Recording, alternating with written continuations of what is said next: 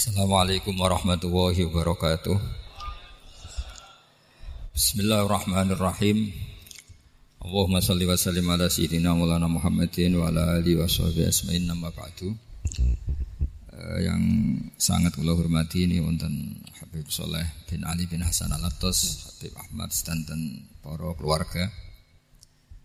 Uh, monggo sarang-sarang mas Fatihah sebelum kangge Habib Ali Syarifah Syifa dan keluarga Al-Fatihah. A'udzu billahi minasyaitonir rajim. Bismillahirrahmanirrahim. Alhamdulillahirabbil alamin. Arrahmanir rahim. Maliki yaumiddin.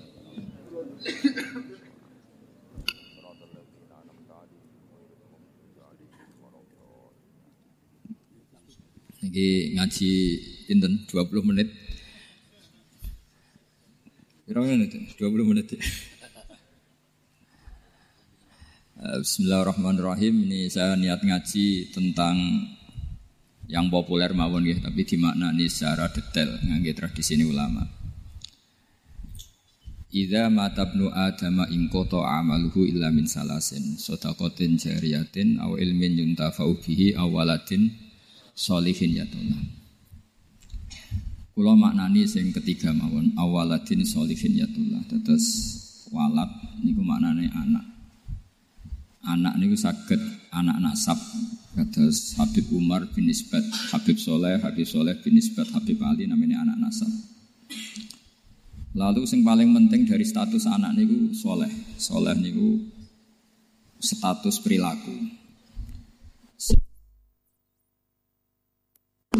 Ya, dados soleh niku status ingkang soleh. Soleh niku maknane ingkang layak Yat ulah nembe wonten sifat kedua ingkang dongakno. Terus pertama nu sementing soleh. Di kata saat ini tiang mendoakan orang tuanya, tapi buatan nanti status soleh, ini rapati mandi.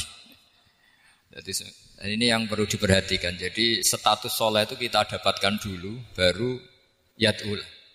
Sekarang do menculot, anak Edo rapati soleh terus dunga dunga saja ini rapati mandi. Nah, ini Habib Ali bejo, anaknya dijinakno soleh ya soleh tenan. Jadi ini pun pun ini nama merger nih, jadi soleh kamil. Tapi ngeten kayak kalau pesan karena Habib Soleh mulai kecil sama saya, sama-sama ngaji di Bahmun. Orientasi terbaik saking sunnah nabawiyah, ini ku keberlangsungan. Terus kalau sering belajar tentang kitab-kitab samawi, kitab-kitab sing diriwayataken beberapa ulama ahli kitab sing pun disaken kalian ashabu Rasulillah sallallahu alaihi wasallam. Niku riyen Nabi Ibrahim niku pertama dadi Khalilur Rahman. Kekasih Allah Khalilur Rahman. Niku mergi piyambake nu tersiksa. Tersiksa protes. Terus kadang tiang saya ini kudu protes. Tapi protes bukan kita demo. protes itu tidak harus demo, protes. Ya Allah, dunia ini tidak fair. Engkau yang Tuhan, engkau zat yang begitu penting, engkau zat yang menciptakan langit dan bumi, engkau zat yang memberi rizki, yang bikin air, bikin oksigen, semua kebutuhan manusia, kemudian mereka tidak kenal engkau. Ini tidak fair. Jadi beliau itu tiap malam tuh ngumpat, ngumpat. Ini gak fair dunia ini. Engkau yang begitu penting mencipta langit bumi, engkau begitu penting yang menciptakan air, menciptakan kebutuhan manusia, kemudian mereka tidak kenal engkau. Ini tidak fair. Ini tidak benar. Jadi sering marah gitu. Karena sama nggak bisa bayangkan kan apa pun hebatnya presiden atau menteri atau rektor atau kiai itu senang desa nggak dikenali statusnya diundang le apa yang dile itu gak keren belas karena ya sama kan? Salah Habib Soleh Alatos muridnya Said Umar punya Bamun terus nang desa diundang pening dile itu kan gak keren belas awal dari keren tetap dikenal. Nah kemudian orang itu tidak kenal Allah Makanya terus beliau sujud berkali-kali, ya Allah, sama siapa munajatnya beliau. Innahu layah zununi Allah aro ahadan fil ardi ya'buduka ghairi. Jadi cara kiai sarang namanya ini innahu saat temen kelakuan layah zunu yektine nyusano ni ing ingsun nyusano banget karena pakai lam taukid. Innahu saat temen kelakuan layah zunu yektine nyusano banget ni ing ingsun. Apa sing nyusano an? Apa sedene kelakuan la aro ora ningali ingsun fil ardi ing dalam bumi ahad dan ing wong suci ya butuh kang nyembah sapa ahad ka ing panjenengan wiri saliyane ingsun. Ya Allah, sungguh saya sangat susah. Karena engkau zat yang begitu penting, kemudian yang tahu kalau engkau Tuhan itu hanya saya. Sampai ngenes gak misalnya ada orang melihat saya itu marhafid, kemudian tidak tahu kalau beliau orang alim. Sampai sebagai muridnya ngenes gak? Ngenes kan? Ada orang memperlakukan Mbah Mun tidak tahu kalau beliau seorang alim alam. Kita sebagai santrinya ngenes gak? Ngenes. Nah ini Allah yang Tuhan, kemudian orang tidak ada yang memperlakukan dia sebagai Tuhan. Bahkan nyebut saja tidak mau. Itu ketersiksaannya Nabi Ibrahim. Kalau kita-kita kan tersiksa mergo di duit. Ora payu rabi. Sing wis payu rabi ra iso wayo. Ya, ya gitu-gitu. Macam-macam kesulitan. Itu jadi apa jadi wali itu sudah berat karena orientasinya agak tentang Allah tapi tentang diri sendiri. Ana sing susah proposal ragu ya Mas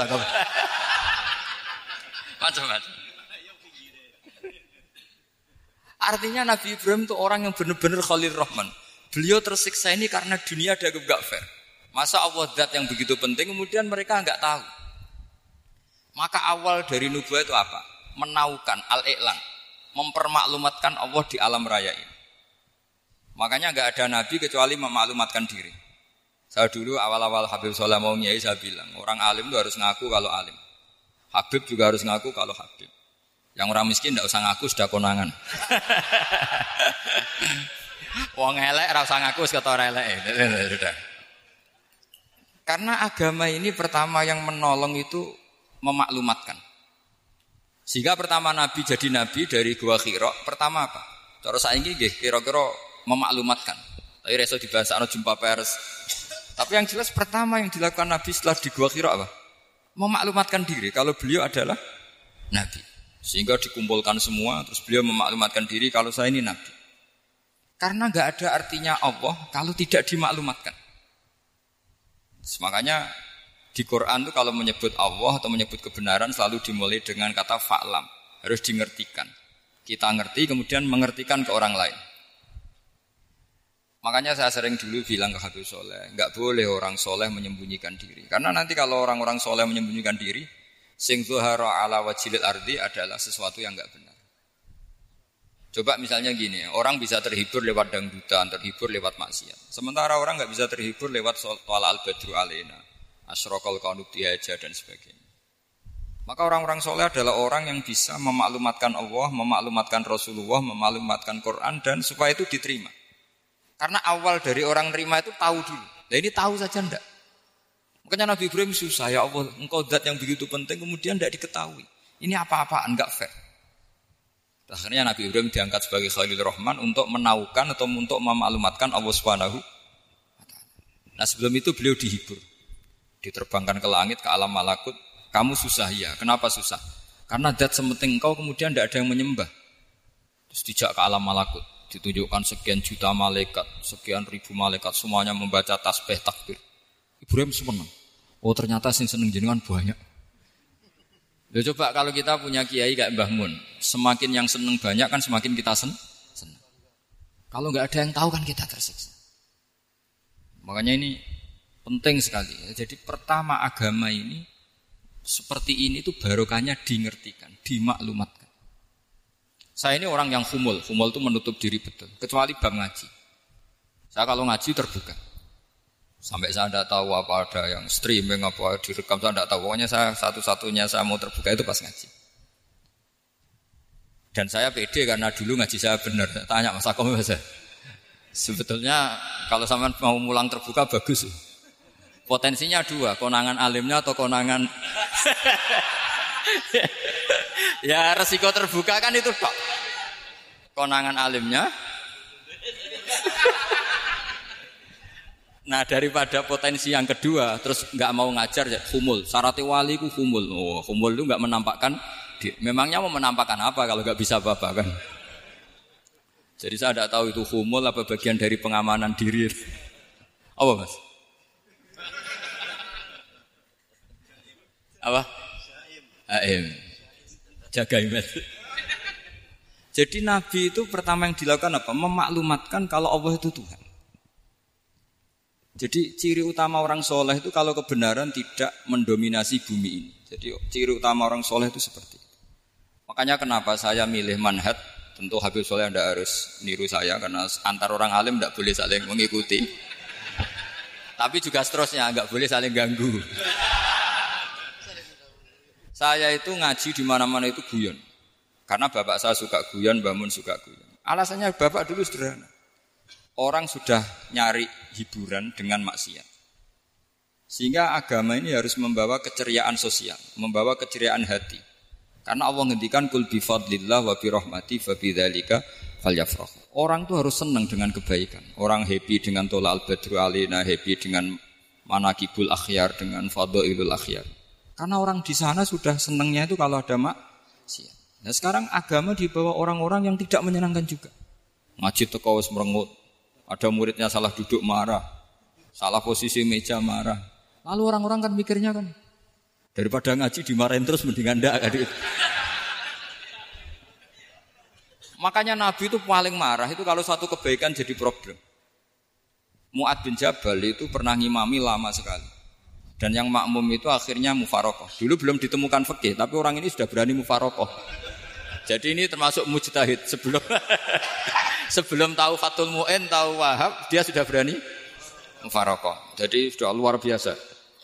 Karena bangsa ibadah yang agak-agak ngawur itu tanpa diajarin sudah do pinter sendiri. Dia mufarokoh. Ketika dia mufarokoh, komentarnya Mu'ad, dia munafik.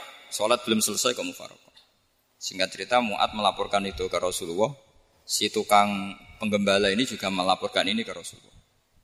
Tapi apa kata Rasulullah? Yang Rasulullah itu yang bela, malah bela yang yang penggembala tadi. Afattanun antaya Mu'ad. Kamu itu tukang fitnah agama ini kalau kamu model begitu orang lari. Basyiru wala tunafiru, yasiru wala tu'asir. Padahal ini baca Quran panjang, harusnya akan ibadah. Tapi karena ini menjadi problem sosial, orang menjadi tidak nyaman jamaah, itu sudah disalahkan Nabi. Karena tadi, kalau agama ini jadi problem, maka masalah besar.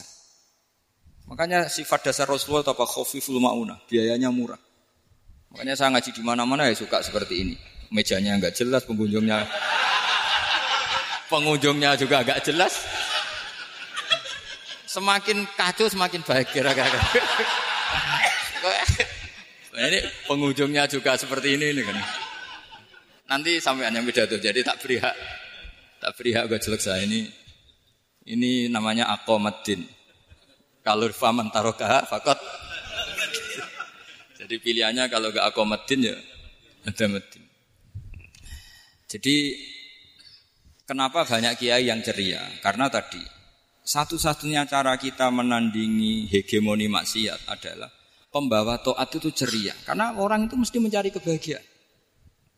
Sebab itu para nabi itu mengajarkan agama ini dengan cara yang bahagia.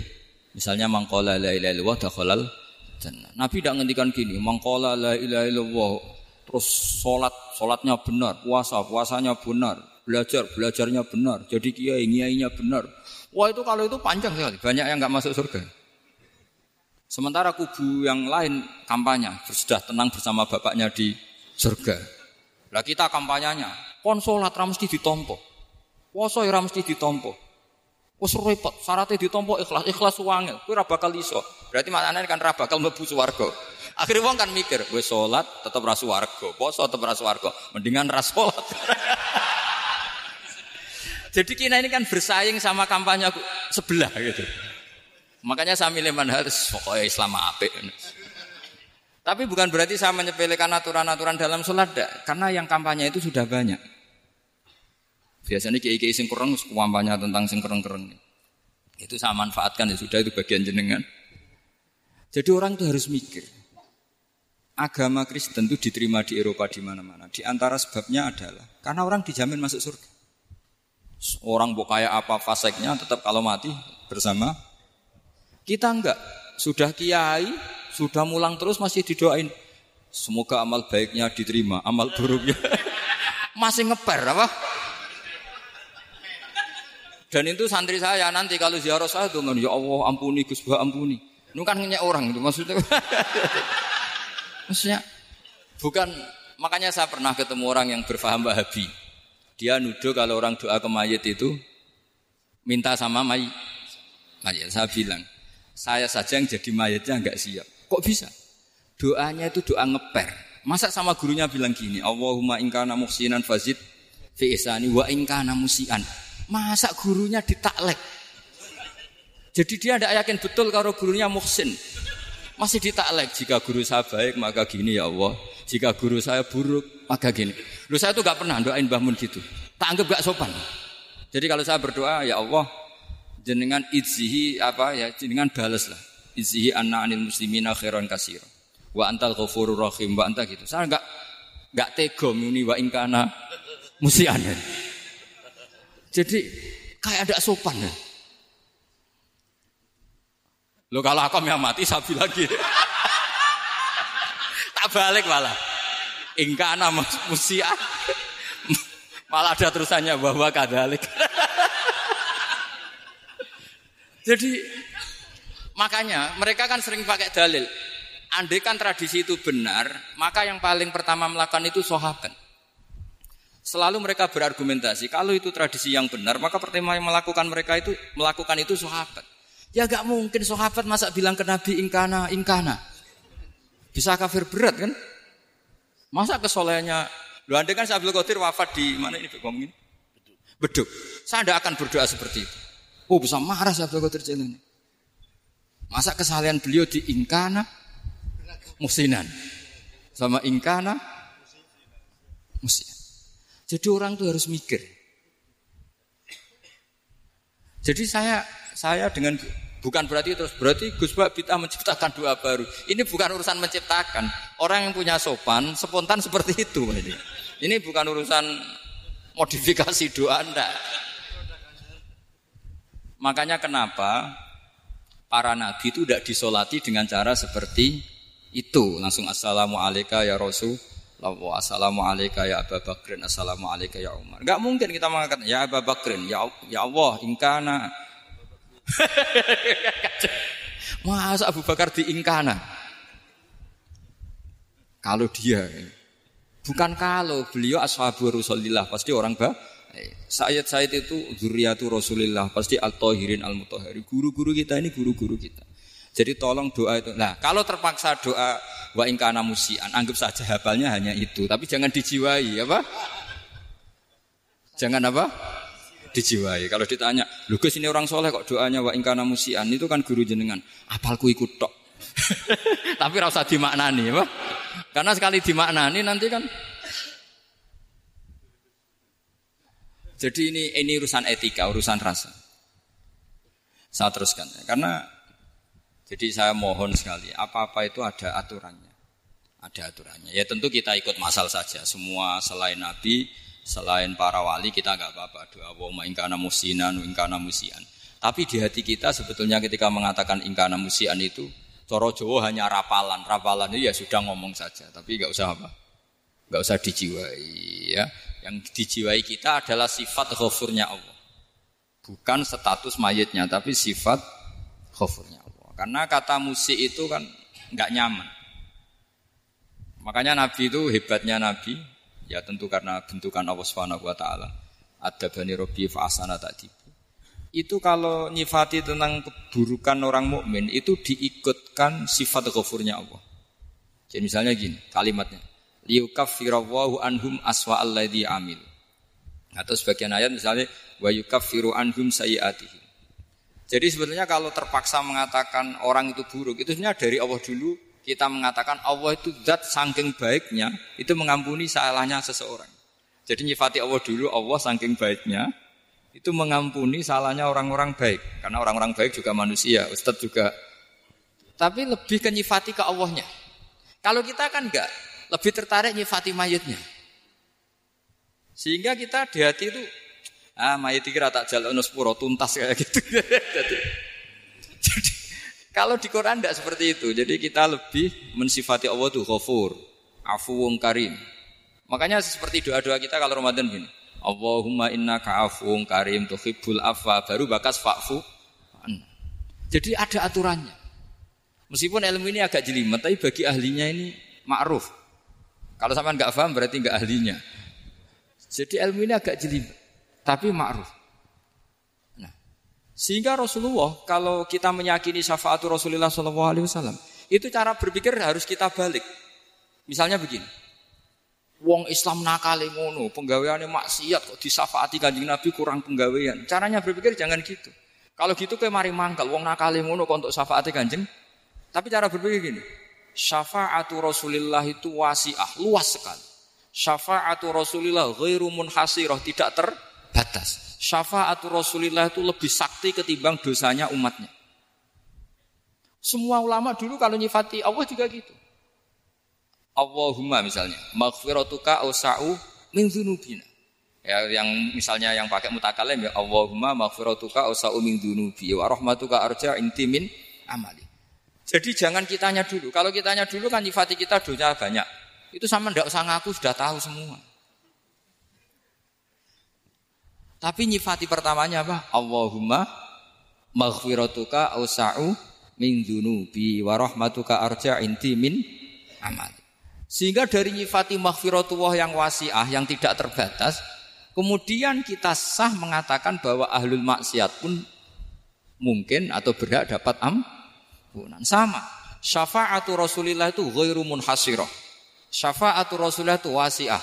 Sehingga sahlah riwayat syafa'ati li ahlil kabair min ummah. Itu bukan menyangkut melegalkan kabiroh bukan menyangkut mengesahkan orang Islam dosa besar karena nanti dapat syafaatnya Rasul. Cara berpikir jangan gitu. Nanti kamu mentasjek memberanikan orang melakukan maksiat berdasar iktimat syafaati Rasul. Itu jangan gitu cara berpikir dibalik apa? Syafaatu Rasulullah ausa'u wa ausa. Sangat lu sehingga saking luasnya sampai yang tukang maksiat saja kebagian. Sama rahmatnya Allah Ta'ala itu wasiah Rizkinya Allah ya wasik. Sampai wong nganggur ya iso mangan ngono. Nah begitu juga rahmati Allah Ta'ala itu wasiah. Sampai wong sing sumpah utangnya akeh ya iso guyu. Iya, Tapi kalau dibalik, misalnya saya diprotes kiai, saya pernah juga diprotes. Gus umat kok buat latih guyu, padahal mereka maksiateh akeh, hutangnya akeh, gini-gini. Karena kamu menyifati orangnya. Kalau menyifati orangnya sampean guyu haram. Utang jatuh tempo, sampean gak mikir dosa ndak? Dosa. Jadi kiai muridnya goblok kok kiai ini kurang tahajud itu ya dosa. Jadi kiai kok muridnya goblok tenang wae. Sementing untuk soanan itu amatir ya gini. Mestinya cara berpikir dibalik. Rahmatullah wasi'ah. Rizkuhu ya wasi' fadluhu wasi'. Sampai wong sumpek wae iso guyu. Sehingga kita ini sudah objek. Kita ini tidak subjek. Di alam raya ini kita tidak subjek, tapi apa? Objek. Makanya saya berkali-kali mengatakan, Mbok kayak apa sumpeknya kita, tetap wong iso guyu. Karena apa? Allah mensifati dirinya wa annahu wa adhaka wa abka. Allah itu adhaka zat yang memberi orang iso guyu. Wa abka lan zat sing maring wong iso nangis. Karena sifatnya Allah Ta'ala pasti nafidah. Sifatnya Allah Ta'ala pasti terjadi. Dan kita objek. Makanya wong sumpah utangnya akeh, bujura percaya, tonggora percaya, oh nak guyu banter-banter. Karena Allah ku adhakadat sing maringi guyu. Wa abga. Sudah presiden, sudah gubernur, sudah menteri. Nah Allah kepengen nangis no yo. Nangis. Coba ngeluhnya apa kalau misalnya jenengan seorang mantan presiden atau mantan gubernur. Kadang anak calonan RT mau menang bunda. Ya. Ngeluhnya apa orang alim misalnya, alim alama, anaknya mau jadi jurumiyah iso. Susah. Kaya raya anaknya jadi pasien susah. Allah punya cara untuk abegah, untuk bikin orang nangis. Nah karena kita ini objek, pasti sesupuk apa pun orang yang bisa tertawa ya bisa nangis. Makanya banyak ulama yang nggak terlalu serius mikir agama ini. Bukan karena dablek, enggak. Karena Allah mensifati dirinya al-hadi yang memberi petunjuk. Kita agak ditunggoni kanjeng Nabi, agak ditunggoni wali songo, agak ditunggoni para alawin yang dulu.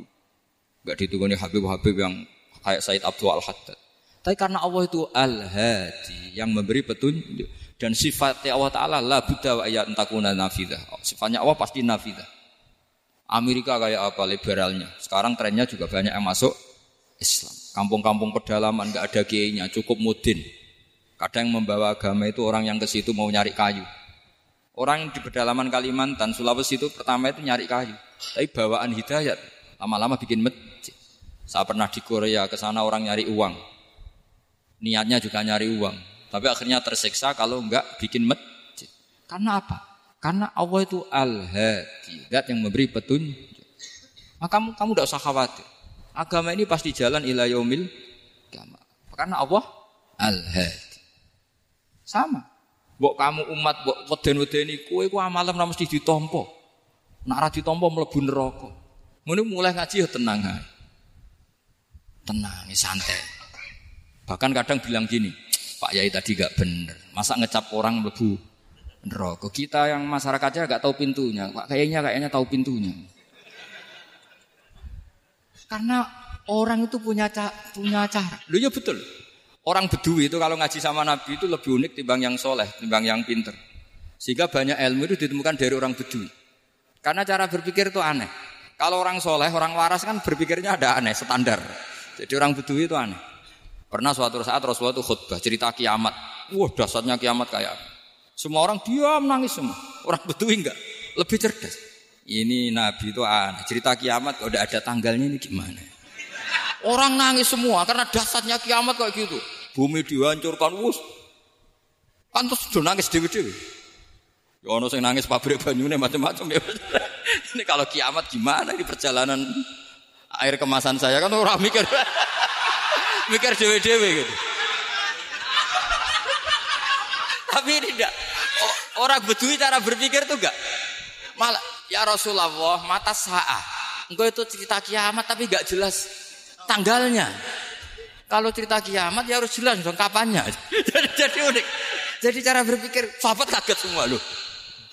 Kaget. Karena gak kepikiran. Nabi Arodo Anhu Arodo itu mengabaikan. Banyak sahabat yang menganalisis uh, lam yasma kan. Nabi memang gak dengar sehingga mengabaikan. Ada yang analisis lagi sami awakaria. Sebenarnya Nabi dengar itu gak berkenan karena tengah-tengahnya khutbah kok tanya. Tapi si Arabi ini cerdas. Masuk akal kan? Misalnya mau pilihan presiden, orang mesti tanya kapan kan? Ya kan? Mau ganti presiden atau ganti bupati, takarannya orang kan kapan? Kayak Mas Akom jadi wali ndak? Pertanyaannya kan kapan? Kalau jatuhnya kan sudah ya. Sehingga tanya, mata sah ya Rasulullah. Lama-lama Nabi diangen-angen Bener juga orang ini. Saya cerita kiamat kok gak jelas kapannya. Ini Nabi menjawab. Tapi karena Nabi orang-orang yang sangat pinter, tanya balik. Ma'atat Lalu kalau kamu berani tanya kiamat kapan, saya tanya balik. Ya persiapan kamu apa? Jawabnya santai saja. Fawwah ma'atatulah kabira sholatin wala siamin walakinni uhibbuka ya Rasulullah. Saya nggak menyediakan apa-apa, sholat saya biasa aja, maksudnya standar. Ya kira-kira lima waktu pas. Ya jenis saya lah kira-kira gitu. Wala. Dan saya puasa ya standar saja pas. Walakin uhibbuka ya Rasulullah. Tetapi saya mencintai engkau ya Rasulullah. Jawabannya Nabi apa? Almaru ma'aman ahabba. Sebagian riwayat anta ma'aman ahbabta. Jadi hadis itu populer tuh barokahnya wong disuruh. Andai kan dia punya etika maka sowan dulu tanya empat mata. Itu jadi hadis ahadi. Ini barokahnya dia selonong di depan umum. Zaman Nabi khutbah itu jadi hadis mutawatir. Jadi kadang barang baik itu barokahnya orang yang nggak baik. Maksudnya suul adab. Tanya gitu kan suul. Tapi itu barokah. Akhirnya hadis itu mutawatir karena didengar ribuan sahabat yang mendengarkan khutbahnya Rasulullah. Tapi kalau hadis itu satu-satu kan khosoni bidalika Rasulullah, khosoni bidalika Rasul itu nanti jadi hadis ahadi yang kualitasnya jauh di bawah hadis mutawatir. Jadi barokahnya orang suuladab itu ya ada. Karena Allah yang mendesain ini. Akhirnya kata sahabat, kata Anas bin Malik, mereka itu mangkelnya bukan main sama Arabi tadi karena tanya nggak sopan sama Rasulullah. Tapi setelah Nabi jawab almar umma aman ahabba fama farihu bisyai'in farohahum bidzalika badal. Mereka tidak pernah senang dengan hadisnya Nabi sesenang riwayat almaru ma'aman ahabba. Barokahnya Arabi. Bedui. Makanya saya sebagai kiai ini bedui saya tak pertahankan ilah yomil kiamah. Karena umat ini pernah terbarokai oleh orang apa? Bedui. Subal barokai suladab tadi. Jadi mohon ini supaya majelis ini kan majlisul ilitorti Rasulullah coba terlatihlah mengatakan Allah itu subjek, Allah itu alfa ilul mukhtar, Allah itu alfa ilul mukhtar, Allah itu yang menentukan alam ini. Dan Allah mensifati dirinya wa annahu huwa adhaka wa abka. Allah itu zat yang memberi orang itu bisa tertawa. Dan Allah juga yang memberikan orang itu bisa menangis. Mbok kayak apa kamu neror umat? Wamal nggak mesti diterima gini-gini. Ternyata ning majelis nangis ya. Mulai ya guyu. Kadang guyu-guyune ngenyak tenang nih. Daripada apa ya agak-agak merodok orang yang dohirnya beda dengan batinnya. Nggak perlu nggak perlu distatuskan seperti itu. Ya sudah biasa saja. Jadi nah fi muqaddimihim imam besar dalam manhaj ini namanya Abdul Hasan apa? Asyadili. Abdul Hasan Asyadili itu kalau ada orang tanya gini, Beb, Beb saya ini susah, sholat saya tidak mesti diterima Allah gini-gini. Marah. Gak usah. Kafa bika jazaan an rodiyaka laka ahlan. Sudah kamu ditekdir pernah sujud itu sudah keren. Saya itu andekan dapat kabar dari malaikat, bahak sholat kamu tidak diterima. Saya tidak susah. Bukan karena sombong. Pernah ditekdir sholat sujud nih Allah itu keren. Kayak apa malunya kita ketemu Allah kemudian kita di bumi tidak pernah sujud. Makanya itu Rabbul Hasan Asadili kowe rasa mikir salatem ditampa taro rasa mbok mikir. Kowe ditakdir tahu sujud itu hebat. Kafa bika kafa bika jazaan an radiyaka laka ahla. Cukup kamu mendapat balasan dari Allah, kamu pernah ditakdir sujud. Gak perlu ngaji alim alamas, gue sawi ngalor ngidul jalalain keren. Paling gak malaikat pernah melihat kamu, wah gue tak kitab kudi. Gak penting paham gak penting. Karena isra bakat paham Mas. Jadi Abdul Hasan Asyadili adalah orang yang dan itu Al Hasani dan itu Al Hasani. Makanya macam-macam kita yang Al Husaini sudah kita punya fakih mukoddam punya banyak. Di Al Hasani yang paling populer di antaranya adalah Abdul Hasan Asyadili. Beliau tuh kalau ngendikan sesuatu itu positif terus. Termasuk itu ketika ada orang resah, sholat saya diterima ndak? Kata beliau, wes gue sing support nak, ditetir tahu, sujud. Saya itu sebetulnya kadang-kadang nyumiris, wes sholatku tompo tau tapi saya sangat sadili. Sangat-sangat sadili. Saya nggak pernah berdoa, ya Allah, ibadah kami jenengan terima ndak? Karena takut kalau doa gitu keterusan itu terus ditompo orang. Akhirnya keterusan gitu. Akhirnya ngenes. Masa orang pernah sujud ngenes? Lama-lama gini setan masuk, apa artinya saya sujud ternyata gak diterima. Lu wong lo kok iskal tentang pernah sujud. Itu kan ibarat gini, kamu ngasih uang sama orang tua kamu, misalnya ngasih, misalnya Habib Soleh ngasih, ngasih uang Habib Ali, terus apa artinya tak kasih, kemudian beliau tidak terima kasih, itu kan lucu. Terima kasih, tidak terima kasih, seorang anak ngasih orang tua itu keren. Makanya saya bangga dengan Habib Soleh ketika beliau mengumrohkan Habib Ali, sudah mendaftarkan haji Habib Ali. Gak usah mikir diterima apa enggak. Wes keren itu sudah perilaku yang keren, yang hebat. Makanya saya sering ada orang mau cerai tanya saya, Gus saya ini cerai gak istri saya kurang ajar gini. Gak, gak usah. Tapi bujuku lo judes. Uang di bujuk itu keren. Paling gak kue radar ini jomblo.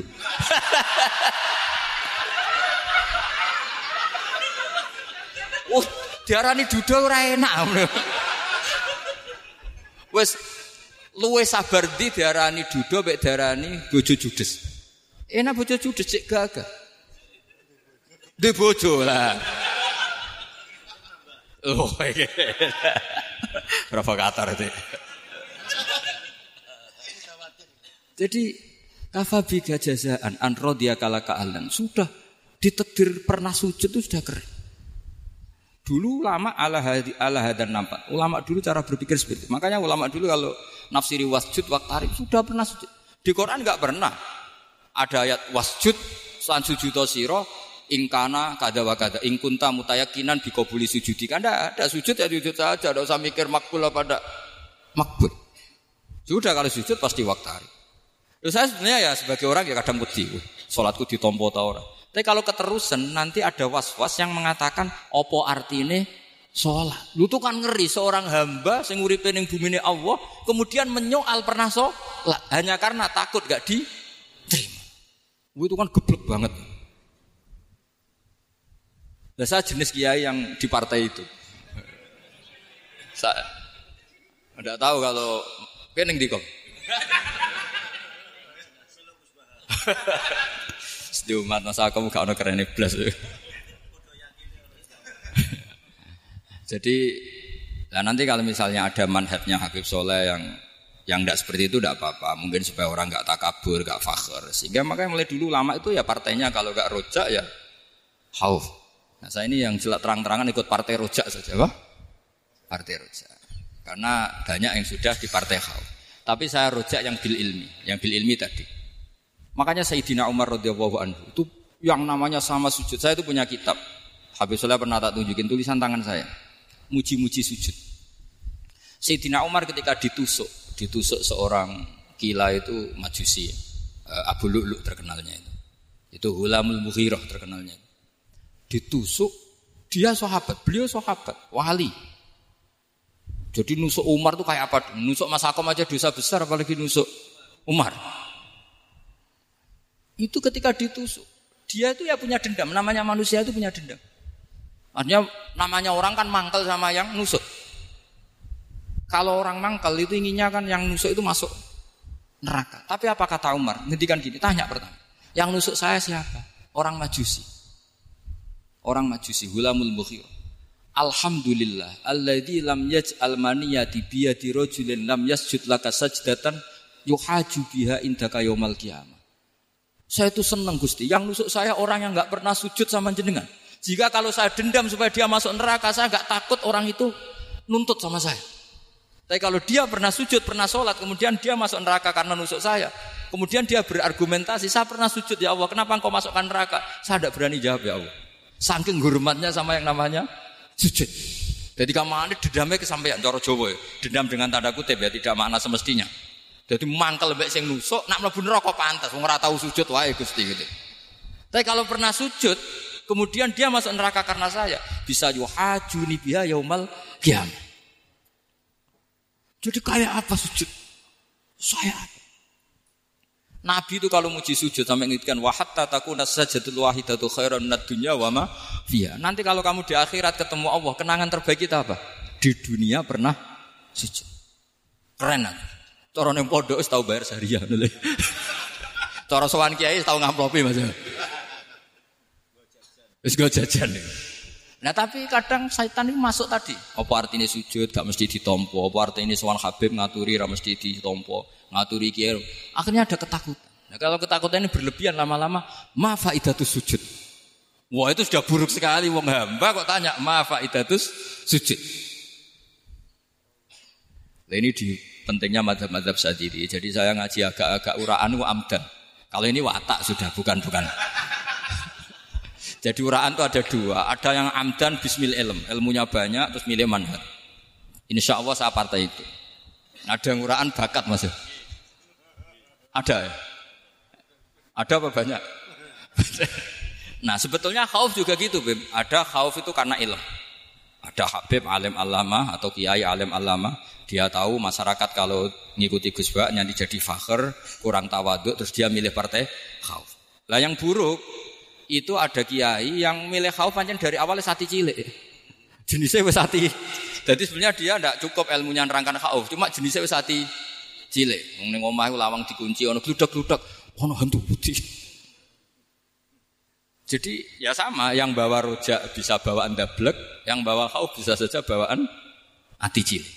Nah kita ingin yang bawa rojak ya bismil ilm, yang bawa khauf juga bismil ilm. Ya ono teh Mas, wong sing ati gede, ini dua blek, tapi enggak bawaan rojak, memang bawaan dablek. Ada yang ati cilik tapi bawaan khauf. Jadi mengatakan khauf tapi sebetulnya bawaan hati hati Nah kita inginnya ndak kalau rojak ya bismillah kayak Abdul Hasan Asyadili. Kalau yang kampanye khauf kayak Said Abdul Haddad bawaan apa? Ilm. Sehingga kita ini Kul ini ala bayinati rabbi. Semua itu berdasar ilmu sing jelas welo-welo. Makanya semua nabi memaklumatkan apa? Kul ini ala bayinatim rabbi. Jadi semua ilmu syaratnya apa? Bayina. Bayina itu kebenaran ilmiah sing jelas welo-welo. Makanya itu yang disebut Allah Subhanahu wa taala mensifati kekasihnya yaitu Nabi Muhammad sallallahu alaihi wasallam lam yakunil ladzina kafaru min ahlil kitabi wal musyrikin namun fakina hatta ta'tiyahumul bayyinah. Rasulun minallah yatslu suhufam niku kanjeng Nabi saking cerdase meneh dek wong Islam. Wong musyrik wong kafir. Ngerti logika yang dibangun Nabi saja kuat infikak dari kemusyrikannya. Makanya disebut munfakin. Orang-orang musyrik orang-orang kafir tidak munfakin, tidak tercerabut dari akar akidahnya hatta tak tiahumul. Bayinah itu siapa? Rasulullah minallah yatslu sufam. Masyur itu debatnya Nabi dengan orang-orang musyrik. Mereka bilang, ya Muhammad, kita ini urusannya banyak, kasusnya banyak. Lalu Anda mengajarkan ke Tuhan satu. Masa urusan banyak cukup Tuhan satu? Itu enggak fair Muhammad. Aja alal alihata ilah wahida inna hadalah syai'un ujab. Urusan kita banyak, masyakil kita banyak, muskilah kita banyak. Kalau Tuhannya satu tidak cukup Muhammad. Nabi dengan santainya memberi penjelasan. Ya sudah gini saja. Kalau kamu jadi budak atau pembantu, majikan kamu banyak. Semuanya merintahkan kamu, semuanya bikin aturan untuk kamu. Kamu suka enggak? Ya enggak suka Muhammad. Kalau majikan kita banyak, repot. Ya sudah Tuhan kamu itu majikan kamu. Kalau banyak perintahnya beda-beda, kamu pusing.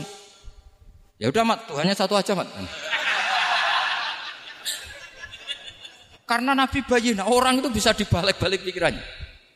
Makanya disebut dorobawa masalah rojulan fihi syuraka umutasakisuna wa rojulan salamal li rojul hal astawiyani masalah alhamdulillah. Jadi Nabi itu kalau adu argumentasi itu luar biasa.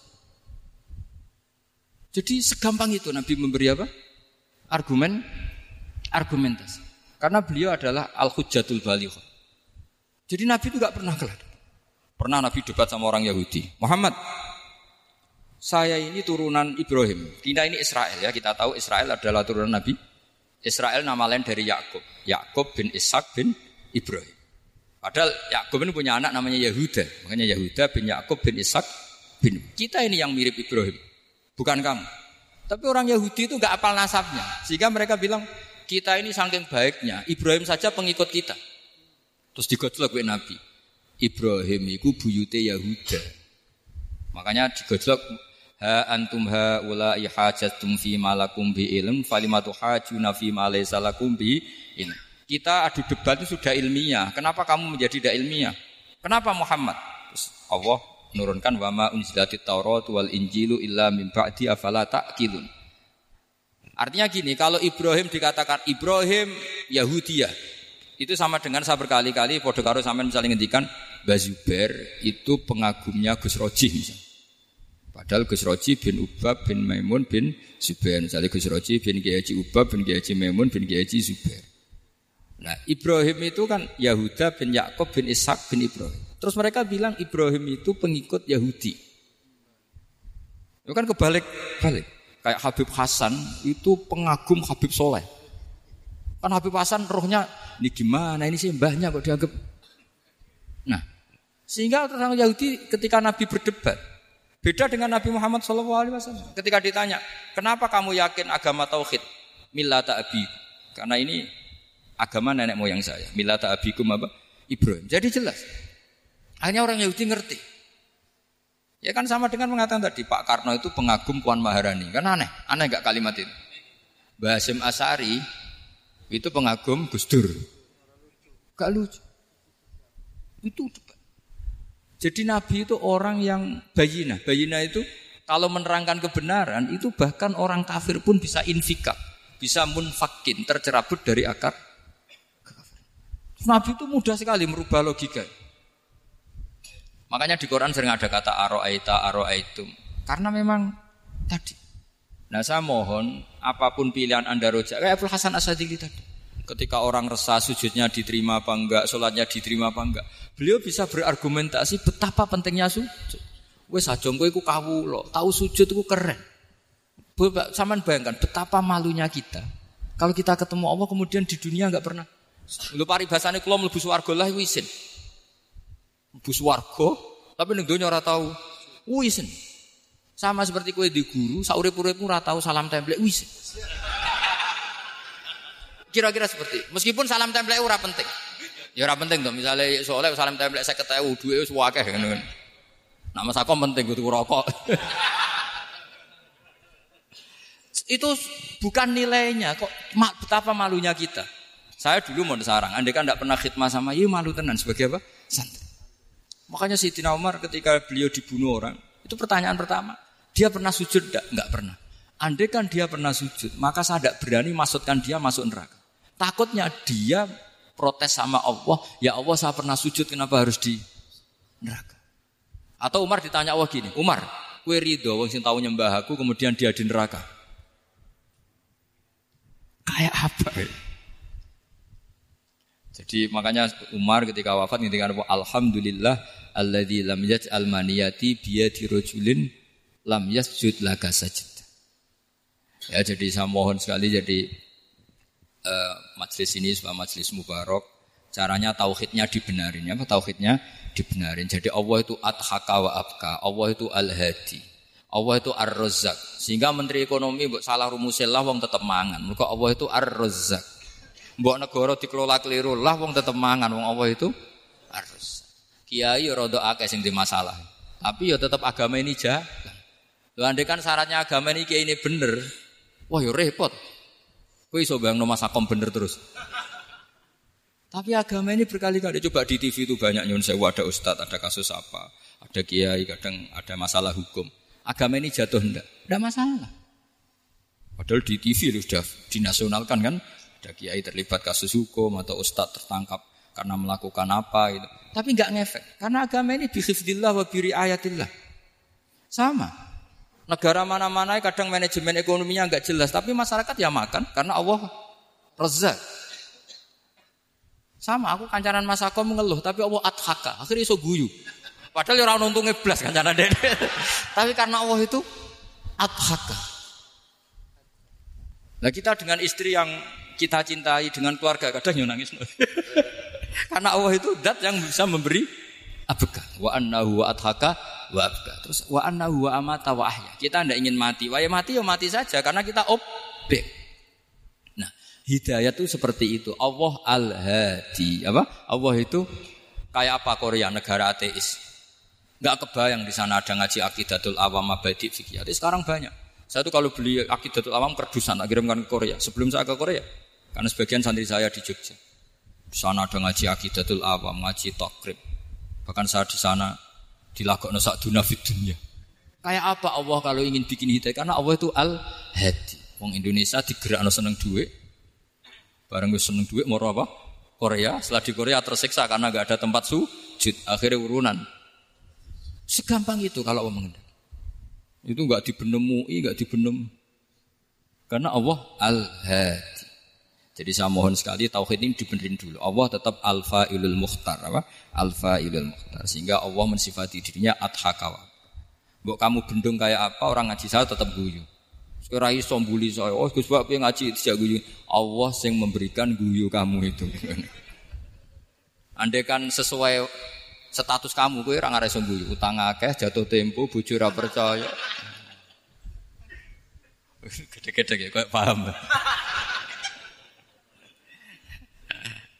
Ya jadi ini tak isetkan jenengan saya ini tadi bawa kitab Fatur Rahman di Tolibi ayat ini mau tak kasihkan hadiah ke saya itu Marhafid sebagai penyempurna karena beliau sudah Al Husaini. Semoga ini dapat barokahnya Al Hasani. Ini ini dikarang oleh duriannya Abdus Salam bin Masis.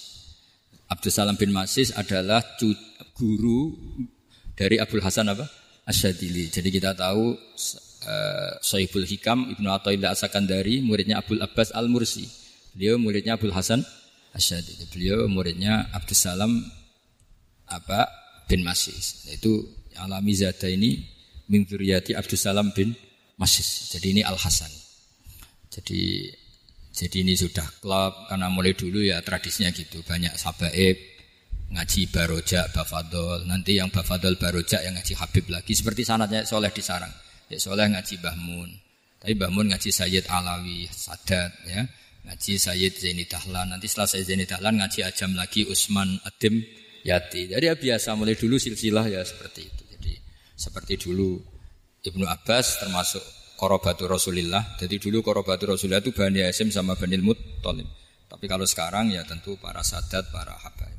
Eh dulu biasa Ibnu Abbas ngaji ke Zaid bin Sabit. Itu Ibnu Abbas yang mencium tangannya Zaid bin Sabit. Tapi Zaid bin Sabit juga mencium tangannya Ibnu Abbas karena korobatu Rasulillah Shallallahu Alaihi Wasallam. Jadi saya mohon semuanya itu insaf bil ilm, ilm ya, insaf bil ilm. Kayak tadi munfakina hatta tak tiahumul bayin jadi bayina itu orang yang kalau menerangkan itu memberi penjelasan sing jelas welo-welo. Itu siapa? Rasulun minallah yatslu suhufam mutahharam. Al-Fatihah.